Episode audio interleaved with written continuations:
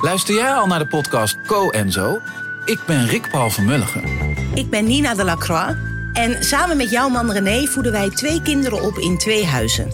Co-ouderschap. We hebben het over alles wat je daarin tegenkomt. Maar ook over de juice tijdens onze kinderloze dagen, want die heb je ook in het co-ouderschap. Een podcast voor alle ouders in alle vormen, maar ook voor alle mensen zonder kinderen. Zijn we eerlijk, heerlijk herkenbaar. Dus luister naar Co en Zo in je favoriete podcast-app.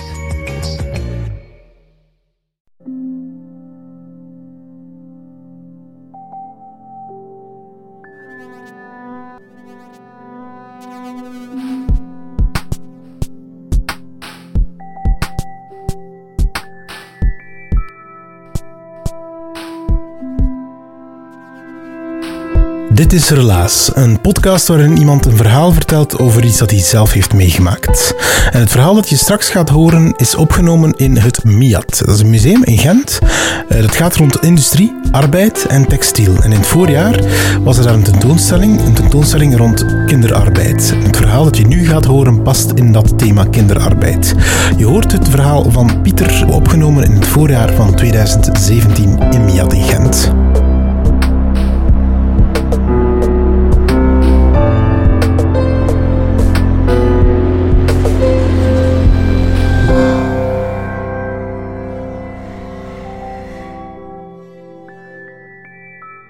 Bij mij moeten we niet zo ver terug, maar toch eh, de vroege jaren 90. Ehm, ik herinner me dat heel goed. Dat was op eh, kerstavond. Ik zat daar op een stoel in de kerk in Bissegem, in- ergens in West-Vlaanderen.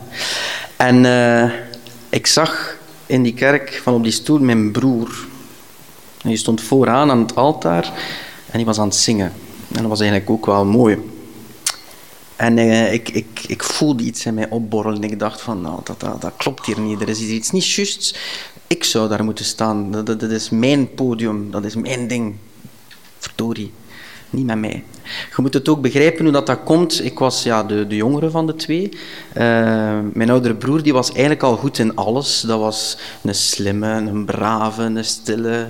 Die kon goed voetballen. En als hij dan naar de muziekschool ging, dan was hij daar ook nog een keer goed in. En ik dacht, niet met mij, dat zal mijn ding worden. Want in die kerk werkte mijn vader. Die was eigenlijk muzikant van beroep, eh, allerhande. Maar die was ook om de broden in ons dorp de organist die dan de missen opluisterde. Ehm, en die had dus ja, zijn favoriete zoon op dat moment eh, daar klaargezet om eh, te pronken met die mooie stem van hem.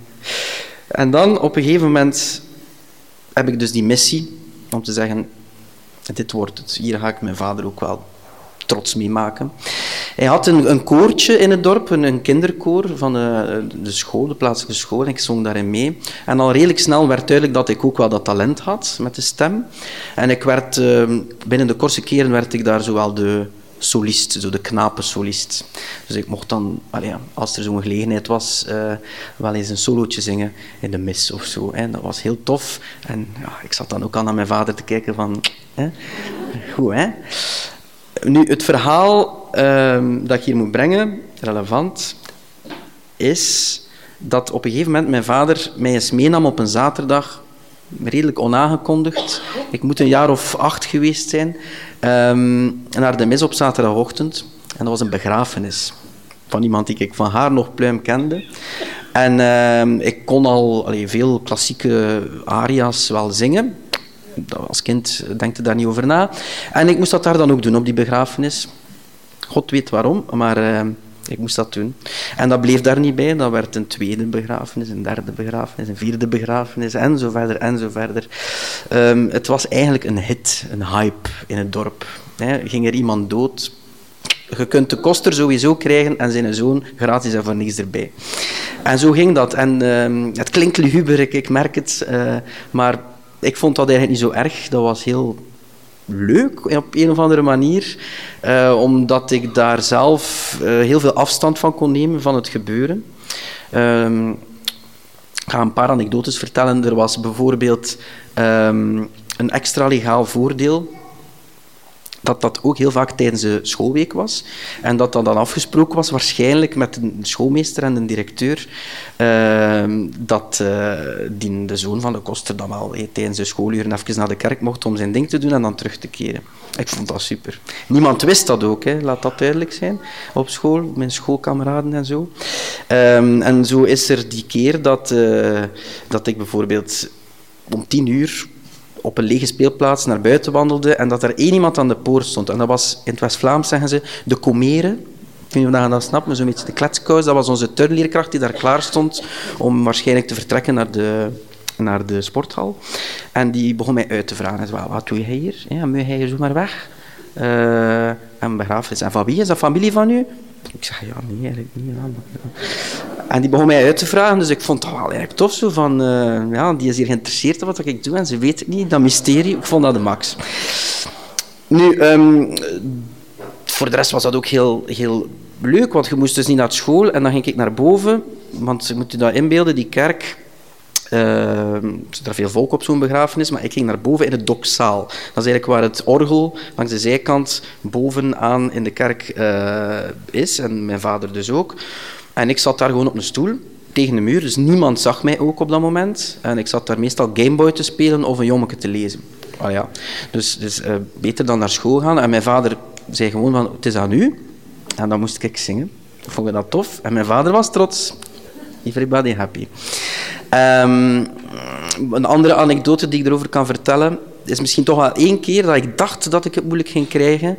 Dat was bij het overlijden van een uh, pasgeboren kindje. Ik, ik, ik, wist het wel van tevoren dat dat dan wel iets speciaals was. Vooral omdat de familie uitdrukkelijk had gevraagd dat dat, dat manneke... Um, dat hij toch wel niet boven zou staan, maar vooraan naast de kist. Ik dacht van oei. Hè. Maar ook dan kon ik dat eigenlijk wel redelijk goed van mij afzetten en met een zekere professionaliteit uh, ja, doen.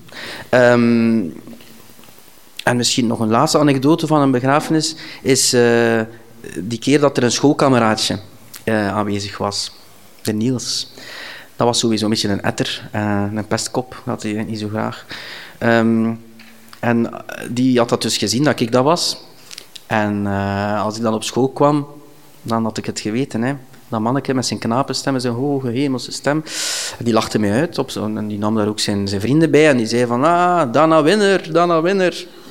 En ik dacht, ja, oké, ik snap het niet goed, maar dat is toch een ander genre. In ieder geval, ik heb daar geen trauma's aan overgehouden, maar ik wist toen wel zeer duidelijk, die anonimiteit, dat is best oké. Want dat is, dat is ook lang blijven duren. Moet daar eerlijk in zijn, in het dorp en dan misschien na paar jaren was dat soms ook daar buiten. Wauw. Um, niemand wist dat. Ik van mijn eigen peers, zoals ze zeggen, wist niemand dat echt. Ook in het middelbaar niet. Dan zat ik in de stad. Niemand was echt op de hoogte. Nu, um, je zou je kunnen afvragen, is dat wel gezond voor een kind, 8, 19 jaar in zo'n omstandigheden? Wow. Ik heb daar geen trauma's aan overgehouden, maar uh, ik, ik, kreeg wel een zeker métier. Ik denk dat ik een, een goede begrafenisondernemer zou zijn, want op een gegeven moment werden die begrafenissen ook gewoon heel zakelijk geregeld. Mijn moeder of mijn vader zei, ah ja, ze hebben meer gebeld, dan kun je gaan, geen probleem. Uh, maar er was ook die keer dat ik gevraagd werd om vooraf al een keer bij de familie te gaan. Ik weet niet of je dat, ik hoop van niet, maar ooit al eens meegemaakt heb eh, bij een begrafenis, de aanloop daar naartoe is eigenlijk voor de nabestaanden een zeer zakelijk gebeuren met heel veel, um, ja, heel veel drive om naar dat moment dan van rouw, die begrafenis, toe te gaan. Um, en dus moest ik daar eventjes deel van uitmaken. Hè. En dus ik ging met mijn fietsje naar dat huis. Ze hadden mij dan gezegd waar dat was. Die familie doet open. Hè, moet je een potje koffie hebben. En iemand van tien jaar, ja, uh, ik, ik had mijn mapje mee met al mijn partituren. En dat was zo eh, Bach en Handel en Schubert en Ave Maria, César Frans, zo'n beetje de, de, bekende aria's. En uh, heel zakelijk zo van, ja kijk, dat zou misschien goed passen in het begin en dat tijdens de communie. En ja, misschien daar dan op het einde nog een mooi, eh, geen probleem, passend zijn. Zat er daar zo wel een, een beetje, ja, hoe zeg je dat... ongelovige Thomas bij me en die zei van, ja maar manneke, kun jij dat dan een keer voordoen, dan we weten hoe dat, dat klinkt. Ik dacht, dat is geen goed idee, mannetjes, in. Ik zei, dat is niet het juiste moment. En dan deed ik het toch, op vraag van die familie. Ik zet mijn keelgat open, ik begin daar Tave Maria te zingen. En uiteraard, op het totaal verkeerde moment begint iedereen daar te snotteren en te huilen. En, oh, dat was één drama. En ik dacht in mezelf van, ja, dat, bedoel, dit is de bedoeling dat dat plaatsvindt op die begrafenis. En dat is de, de reden waarom dat je mij vraagt om dat te doen. Dat is het doel van, van die muziek. Als kind ging ik daar eigenlijk heel nuchter mee om. Ehm, dus ik heb daar ja, ik heb daar eigenlijk goede herinneringen aan. Uh, op een of andere manier. Nu, uh, ik, ik kan daar uh, nog veel over vertellen, maar um, het heeft gewoon heel lang geduurd. Ik denk tot mijn 16, 17 heb ik dat gedaan en ik heb daar ook nooit een cent voor gekregen. Eigenlijk pas bij het bedenken van hoe ik dit verhaal ging vertellen, zijn er heel veel herinneringen teruggekomen. En ben ik mij ook beginnen uh, afvragen van, toe, ik had er toch veel vroeger munt uit kunnen slaan. Helaas. Uh, zo slim was ik niet. Uh, ik moet wel zeggen, het heeft mij in zekere zin wel geholpen, uh, omdat ik uiteindelijk er mijn beroep van heb kunnen maken om zanger te zijn uh, in de klassieke muziek. Het, het, feit dat ik ook die knapenstem had, die hoge stem, um, en dat ik dat heel lang ben blijven doen, heeft mij ook een bepaald soort muziek doen ontdekken, namelijk de oude polyfonie en barokmuziek, waarbij dat de, de volwassen versie daarvan, de countertenorstem, de altustem, uh, die ook een zekere hoge coloriet heeft, um, aanwezig is. En dat is wat ik uiteindelijk geworden ben. En de, de métier die ik daar in die begrafenissen heb geleerd, dat heeft mij enorm geholpen. Dus um, zeker ook de de podiumervaring uh, en de, de stressbestendigheid, die, uh, die, die heb ik daar wel ontwikkeld. Um, het is eigenlijk, om misschien te eindigen, uh, frappant. vandaag, in mijn professionele carrière, gebeurt het wel nog dat ik begrafenissen zing. Dat doe ik dan met dezelfde métier. Maar onlangs, in mijn eigen familie, had ik dan een sterfgeval. Dat was mijn tante, een heel lieve lieve tante die veel te jong gestorven is. Uh, en toen kwam ook de vraag om bij haar uh, de begrafenis uh, muzikaal te doen. En ik kreeg daar telefoon van. En ik, ik vond in eerste instantie van, oké Pieter, je hebt dat echt in je, zelfs in deze omstandigheden. Ik zei, oké, we gaan dat doen. Ik ben mijn pianist, we stellen een programma samen. Um, geen probleem. En de dag van de begrafenis, dat is nu een maand of drie geleden, ga ik met, mijn, met de auto en de piano en de pianist richting Brugge. Uh, in het funerarium. En uh, met een zekere gezwindheid zet ik daar de piano klaar. Uh, we overlopen het, het, schema. We groeten de mensen van het funerarium. En dan gaan we eventjes oefenen. En op het moment dat ik met het eerste nummertje begin, um, komt eigenlijk de kist binnen. We zijn nog in voorbereiding van mijn tante. En op dat moment is het denk ik de eerste en de enige keer dat ik zelf ben moeten stoppen met zingen. Ik was volledig tot tranen toebewogen, dat, dat ging gewoon niet meer. Um, en ik denk dat het mij alleen maar op dat moment heeft uh, gesterkt in, in, in, in het idee dat het als, ook als professionele zanger heel zinvol en waardevol is om dit te doen. Uh, omdat het uh, een heel belangrijk moment is en het is des levens afscheid nemen. Uh, en dat zo'n muziek, zeker zo'n muziek, daar enorm tot zijn recht kan komen. Misschien kan ik dat nog wel een keer demonstreren. Ik weet het niet of dat je daar goesting in hebt, maar dat gaan we dan doen. Ja.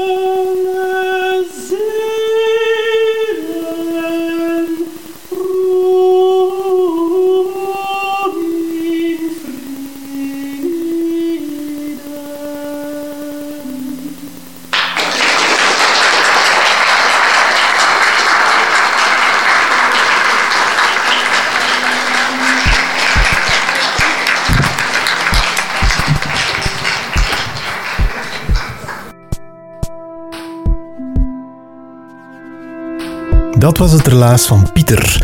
Hij vertelde het in Miat in Gent dit voorjaar. Er was daar toen een tentoonstelling rond kinderarbeid en we deden toen verhalen rond dat thema. Mocht je zelf een idee hebben voor een eigen verhaal of je wil eens een relaas-editie organiseren bij jou thuis of bij jouw organisatie, dan moet je ons maar eens een mail sturen of een Facebookbericht. Wij antwoorden daar vrij snel op en onze contactgegevens staan ook op de website. Zo'n relaas, dat maak je niet alleen. Um, ons relaasteam bestaat uit verhalencoaches. Dat zijn mensen die uh, jou helpen met het verhaal dat je wil vertellen. Er zijn mensen die maandelijks onze events organiseren, onze vertelavonden.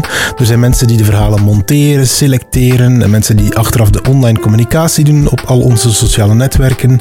Dus een heel divers team. Als je zin hebt om dat team van vrijwilligers eens te vervoegen, dan kan je ons dat altijd laten weten. We zijn bijvoorbeeld nog op zoek naar een presentator op die vertelavonden.